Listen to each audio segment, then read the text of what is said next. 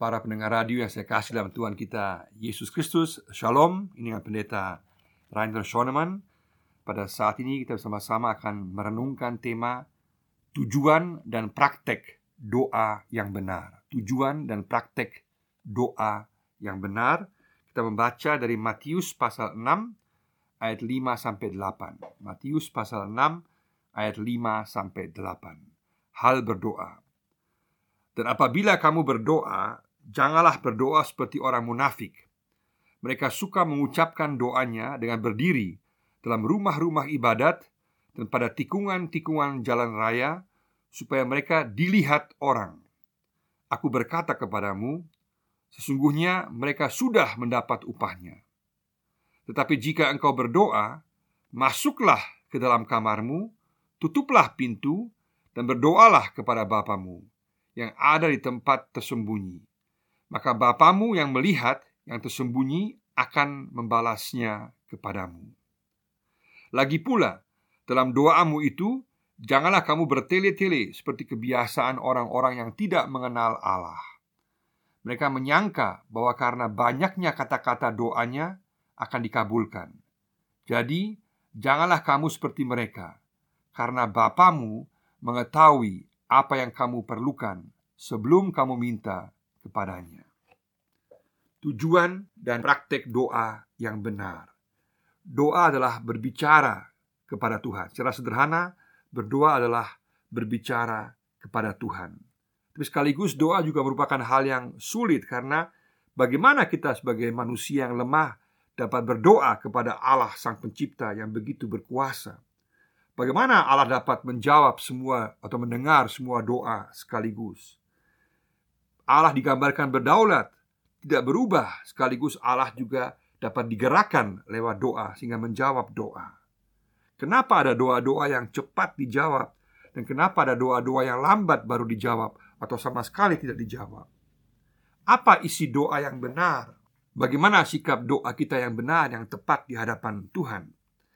Tujuan dan praktek doa yang benar digambarkan Yesus di sini dalam Matius pasal 6 dan kemudian dia akan juga memberikan tentang doa Bapa kami Tentang contoh doa yang sempurna Sebagai contoh untuk setiap murid Yesus Setiap pengikut Yesus.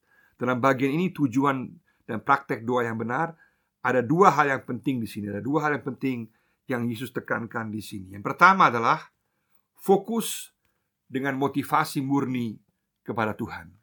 Doa fokus dengan motivasi murni kepada Tuhan. Ayat 5 dan ayat 6 di sini digambarkan bahwa doa kita tidak boleh seperti orang-orang yang munafik, orang-orang yang berdoa dengan tujuan untuk mencari perhatian, untuk mencari pujian orang, bersifat hanya mau menunjukkan kerohaniannya secara lahiriah, secara formil. Yesus menentang segala jenis keagamaan atau segala jenis kerohanian yang sifatnya hanya lahiriah, formalisme semata yang hanya mau menunjukkan kehebatan kita secara rohani sehingga dipuji orang, dianggap orang sebagai rohani, sebagai orang yang dekat dengan Tuhan. Padahal sebetulnya kita tidak mau sungguh-sungguh peduli kepada Tuhan, tidak sungguh-sungguh mencari kehendak Tuhan.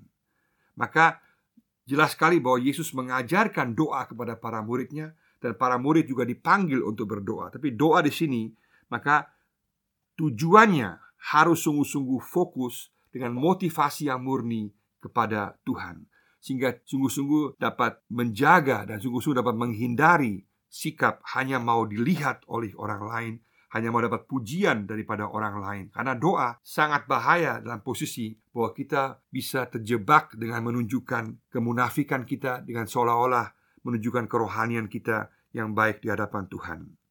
Jelas sekali bahwa dalam Alkitab ada banyak sekali jenis cara berdoa. Ada cara berdoa dengan cara bersujud, dengan cara bertelut, berlutut, ada juga cara dengan cara duduk atau cara berdiri atau tangan diangkat ke atas. Semua cara itu baik dan tidak masalah.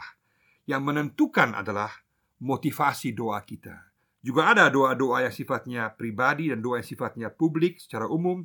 Yesus pun juga berdoa secara publik dalam Yohanes 11 ayat 41 dan 42 Yesus berdoa secara publik, secara umum juga para murid, orang percaya juga dipanggil untuk berdoa dalam publik dalam jemaat-jemaat yang ada di kisah para rasul misalnya pasal 1 ayat 24, pasal 3 ayat 1 juga pasal 4 ayat 24 dan seterusnya. Kita tahu bahwa ada praktek doa-doa secara umum dalam jemaat atau depan orang lain. Tetapi yang menentukan yang Yesus ingin tekankan di sini adalah apa motivasi kita. Apakah kita sungguh-sungguh mencari kehendak Tuhan? Kita mencari pujian Tuhan kita mencari kebaikan Tuhan, kita mencari penerimaan Tuhan, atau kita terjebak dalam bahaya untuk mendapatkan pujian dari orang lain. Di masa itu Yesus jelas mengkritik para pemimpin agama orang-orang Farisi yang suka menunjukkan diri mereka, memamerkan kerohanian mereka, keagamaan mereka dengan berdoa depan orang-orang lain. Dan Yesus katakan bahwa para murid Yesus para muridnya haruslah menjadi orang-orang yang berbeda, memiliki sikap yang berbeda, karena sungguh-sungguh memiliki motivasi yang murni, yang terarah kepada Tuhan.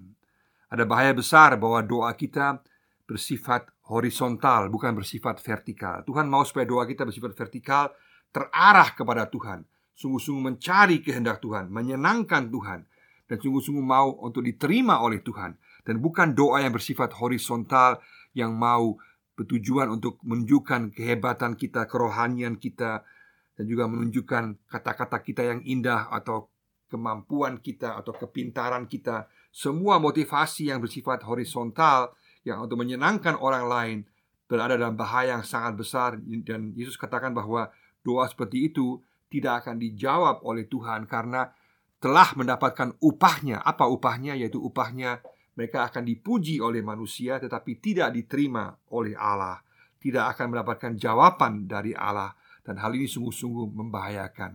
Maka bagi kita adalah pertanyaan yang sangat penting adalah pada saat kita berdoa baik pribadi maupun depan umum dalam jemaat, motivasi kita apa? Tujuan kita apa? Apakah kita sungguh-sungguh mau berdoa, mau memuliakan Tuhan, terfokus pada Tuhan atau kita mencari pujian dan juga penghormatan dari manusia, dari orang lain. Kita harus sungguh-sungguh selalu memeriksa motivasi, kemurnian motivasi kita saat kita berdoa. Itu yang Yesus maksudkan di sini. Kemudian Yesus juga tekankan di sini bahwa kalau kita berdoa untuk menjaga supaya kita dapat terhindar dari sikap untuk memamerkan diri adalah sangat penting untuk banyak berdoa secara pribadi dan tidak dilihat oleh orang lain. Jelas kita juga akan berdoa dengan orang lain Tapi harusnya doa kita secara pribadi Jauh lebih banyak. Karena doa pribadi itulah yang akan menunjukkan Kerohanian kita yang sebenarnya Hubungan kita yang sebenarnya dengan Tuhan Kepedulian kita pada Tuhan yang sebenarnya Dan juga menunjukkan hubungan kita yang erat dengan Tuhan yang sebenarnya. Itulah kerohanian yang sejati. Berdoa secara pribadi kepada Tuhan Yesus katakan Pergilah ke tempat atau kamar yang terkunci dalam arti kamar yang tidak terlihat oleh orang. Artinya tempat di mana kita berdoa, waktu di mana kita berdoa, selama apa kita berdoa, lamanya, waktunya, tempatnya tidak menentukan. Yang penting adalah bahwa kita memiliki motivasi yang murni dan juga tidak memamerkan doa kita kepada orang lain. Itu yang Yesus tekankan di sini. Maka sekali lagi fokus doa kita harus terarah dengan motivasi yang murni kepada Tuhan. Maka setiap kali kita berdoa, kita harus tanyakan kita mencari kehendak kita sendiri atau kita mencari kehendak Tuhan. Setiap kali kita berdoa, kita mencari pujian orang lain atau kita mencari pujian Tuhan. Kita mencari penerimaan manusia atau kita mencari penerimaan Tuhan. Mari sama-sama kita selalu memeriksa motivasi kita dan berdoa secara vertikal, mencari kehendak Tuhan, mencari perintahnya, mencari penerimaannya dan bukan berdoa secara horizontal untuk kepentingan manusia, pujian manusiawi. Yesus ingin agar kita memiliki hubungan pribadi dengan Dia dalam doa. Kita mempercayainya, kita meyakininya, dan datang kepada Dia apa adanya, dan bukan berdoa untuk tujuan-tujuan mencari kehormatan manusia, tapi sungguh-sungguh mencari kehendaknya, mencari pribadinya, dan sungguh-sungguh percaya akan kehendaknya dan mencari perintahnya kehendaknya dalam kehidupan kita.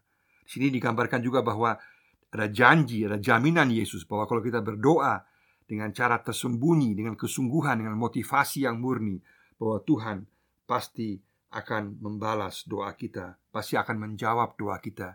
Dia akan peduli kepada kita, dia akan memperhatikan kita, dan dia akan pada waktunya memberikan jawabannya bagi kita, dan dia akan memelihara dan menjaga kita. Sungguh-sungguh luar biasa. Maka di sini digambarkan Allah sebagai Bapa, sebuah gambaran yang bersifat antropomorfisme. Karena Allah digambarkan sebagai seorang bapa manusia di sini yang secara sempurna seorang bapa manusia dia pasti akan peduli, dia pasti akan penuh kasih sayang dan pasti akan memperhatikan anaknya yang membutuhkan sesuatu daripadanya. Dalam Matius 7 ayat 10 dikatakan seorang bapa manusia tidak mungkin memberikan batu kalau anaknya meminta roti. Apalagi bapamu yang di sorga ada gaya bahasa a fortiori di sini. Artinya kalau seorang bapa manusia saja yang sesempurna apa pun dia, maka Allah jauh lebih daripada itu. Allah sebagai bapa yang kekal, yang sempurna, jauh lebih daripada itu. Dia akan memberikan yang baik kepada setiap orang yang meminta kepadanya dan peduli kepadanya, yang sungguh-sungguh memohon kepadanya. Maka Allah Bapa digambarkan sebagai Allah Bapa yang memelihara, yang memperhatikan kita di sini. Jelas bahwa gambaran Bapa di sini adalah gambaran antropomorfisme, sebuah gambaran manusia. Karena Allah jelas bersifat supragender, di atas laki-laki, di atas perempuan. Bahkan dalam Alkitab juga digambarkan Allah digambarkan juga sebagai seorang ibu dalam Yesaya 66 ayat 13 digambarkan sebagai seorang ibu seperti seorang ibu yang menghibur anaknya. Berarti Allah adalah gambaran seorang bapa yang sempurna dan gambaran seorang ibu yang sempurna, tetapi jauh lebih daripada itu karena Allah adalah roh dan Allah dikatakan tidak kelihatan dan Allah yang tidak kelihatan kemudian mempedulikan kita, memperhatikan kita sungguh luar biasa. Sehingga di sini Allah yang penuh kasih digambarkan, Allah yang peduli kepada kita, Allah yang memperhatikan kita. Itu yang ditekankan di sini. Dan kita boleh tahu bahwa pada saat kita mengucapkan doa-doa kita, mencurahkan isi hati kita secara jujur di hadapan Tuhan dengan motivasi yang murni mencari kehendaknya, maka Tuhan akan menjawab doa kita. Yang kedua di sini adalah doa dengan sikap yang sungguh dan mempercayai Tuhan. Doa dengan sikap sungguh dan mempercayai Tuhan. Ayat 7 sampai ayat 8. Selain tujuan kita bersifat motivasi yang murni dan sungguh-sungguh terarah kepada Tuhan, maka sikap kita harus bersifat sungguh-sungguh dan sungguh-sungguh mempercayai Tuhan, meyakini Tuhan. Itu yang Yesus ingin tekankan dalam ayat 7 sampai ayat 8. Karena ada kebiasaan pada waktu itu bahwa orang beranggapan orang-orang yang di luar Tuhan mereka beranggapan semakin banyak mereka berkata-kata, semakin banyak mereka berbicara dengan kata-kata yang indah, maka doa mereka akan terjawab. Tapi Yesus katakan, jangan kamu di sini berdoa dengan cara bertele-tele dengan banyak kata seolah-olah akan dikabulkan Padahal tidak, bukan banyaknya kata-kata, bukan keindahan kata-kata yang menentukan, tapi sikap yang sungguh di hadapan Tuhan, satu kejujuran di hadapan Tuhan, dan juga suatu sikap mempercayai, meyakini Tuhan. Sekali lagi kita lihat bahwa Yesus sendiri pun juga berdoa panjang Kalau kita lihat misalnya dalam Lukas pasal 6 ayat 12 Bukan doa yang panjang yang ditentang di sini Kita juga tahu misalnya dalam Lukas 18 ditekankan bahwa kita harus berdoa dengan tidak menyerah berdoa terus-menerus tanpa henti seperti seorang janda yang sungguh-sungguh menuntut haknya digambarkan dalam Lukas pasal 18. Maka kita pun juga dipanggil untuk berdoa dengan sungguh-sungguh maka bukan soal panjangnya yang menentukan tapi soal kesungguhannya. Di sini ditekankan bahwa jangan sampai kita pikir kata-kata yang banyak, kata-kata yang indah yang akan menentukan hasil doa. Kalau dalam Lukas 18 digambarkan bahwa kita tidak boleh menyerah pada saat kita berdoa Terus tetap berdoa meyakini bahwa Tuhan itu baik Bahwa Tuhan akan pelihara Bahwa Tuhan akan jawab doa kita Mari sama-sama kita sungguh-sungguh melihat doa-doa kita Bukan sekedar pengulangan Bukan berbicara tanpa isi Tapi sungguh-sungguh bukan secara formil saja Tapi sungguh-sungguh memperhitungkan kata-kata kita Memperhatikan kata-kata kita yang berasal dari hati yang terdalam Yang sungguh-sungguh berasal dari hubungan yang dekat dengan Tuhan yang meyakini pemeliharaan Tuhan. Maka pada saat kita berdoa kepada Tuhan, kita boleh melepaskan, boleh menanggalkan beban kita dan juga menyerahkannya semua kepada Tuhan.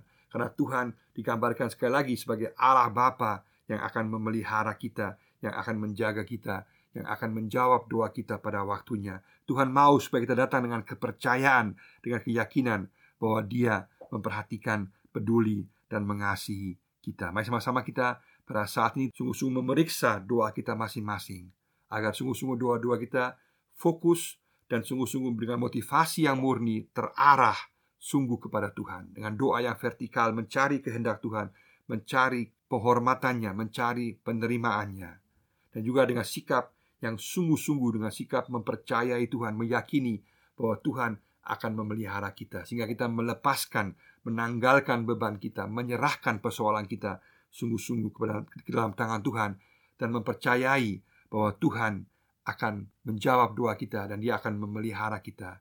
Karena dikatakan bahwa Tuhan sudah tahu sebelum kita memintanya, maka Tuhan adalah Allah yang digambarkan yang peduli, yang memperhatikan kita yang berdoa yang percaya kepadanya. Mari sama-sama kita sungguh-sungguh memeriksa motivasi kita, selalu memeriksa motivasi kita. Kenapa kita berdoa?